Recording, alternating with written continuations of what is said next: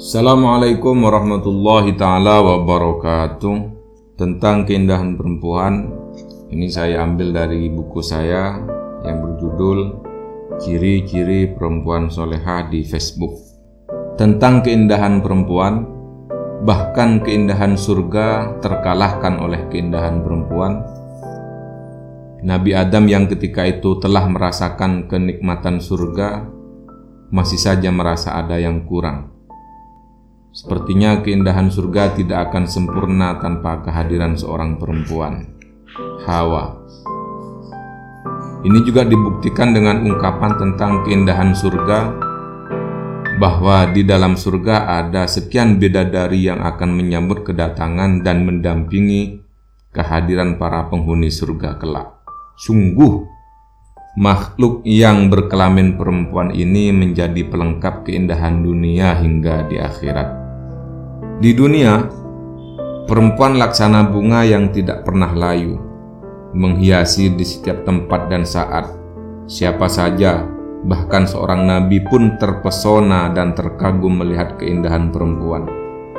Sebagaimana pengakuan Nabi kepada Siti Aisyah dengan memberi julukan Ya Humairah Julukan ini sebagai bukti bahwa perempuan sungguh memiliki dimensi keindahan yang sangat luar biasa.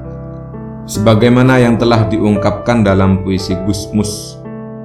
Dalam puisi ini diceritakan tentang seseorang yang sedang melaksanakan ibadah haji dan ketika sedang di tengah-tengah pelaksanaan ibadah, orang tersebut membaca berbagai doa-doa yang ia hafal.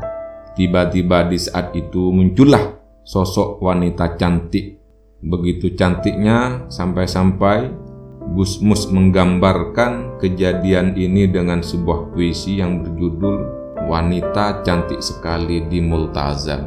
Allah putih kulitnya, dalam putih kerudungnya, indah sekali alisnya, indah sekali matanya, indah sekali hidungnya, indah sekali bibirnya, dalam indah wajahmu.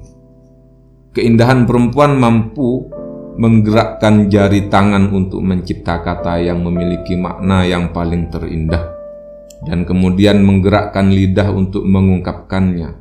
Bahkan, hati seorang hamba yang tengah khusyuk melabuhkan rasa sepenuhnya pada kehadiran Allah dan larut dalam keindahannya, masih saja tergerak terkecoh saat keindahan perempuan melintas di hadapannya seolah keindahan perempuan menandingi keindahannya, keindahan Tuhan. Bagi seorang hamba yang telah larut menyatu pada keindahan Allah, maka keindahan perempuan menjadi dalil bagi dirinya untuk lebih meyakini bahwa Allah sungguh memiliki keindahan yang sempurna tanpa bisa dibandingi oleh siapa pun dan apa pun. Kata lain, keindahan perempuan menjadi bukti keindahan Allah Begitulah pandangan seseorang yang telah merasakan hakikat makrifat kepada Allah. Namun, bagi hamba yang masih belum mencapai pada tingkatan tersebut, maka keindahan perempuan bisa dipandang dengan didorong oleh hasrat manusiawinya. Bagi manusia normal, wajar banget ketika melihat perempuan yang menurut dirinya cantik dan memiliki tubuh yang indah, lalu hasratnya bangkit membara. Oleh sebab itu, Islam memiliki aturan bagi perempuan agar tidak memancing hasrat seorang laki-laki. Selain itu juga demi keindahan perempuan agar tetap dipandang indah oleh para lelaki. Tujuan utama dari aturan yang ditetapkan oleh Islam terhadap perempuan agar terhindar dari fitnah.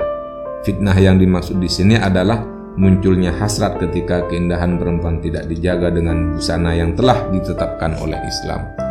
Oleh sebab itu, di dalam ajaran Islam yang berkaitan dengan perempuan ada istilah aurat.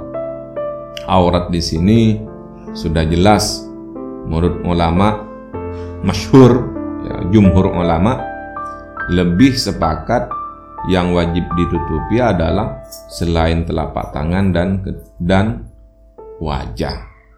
Oleh sebab itu, keindahan perempuan akan semakin indah ketika dirahasiakan. Assalamualaikum warahmatullahi taala wabarakatuh.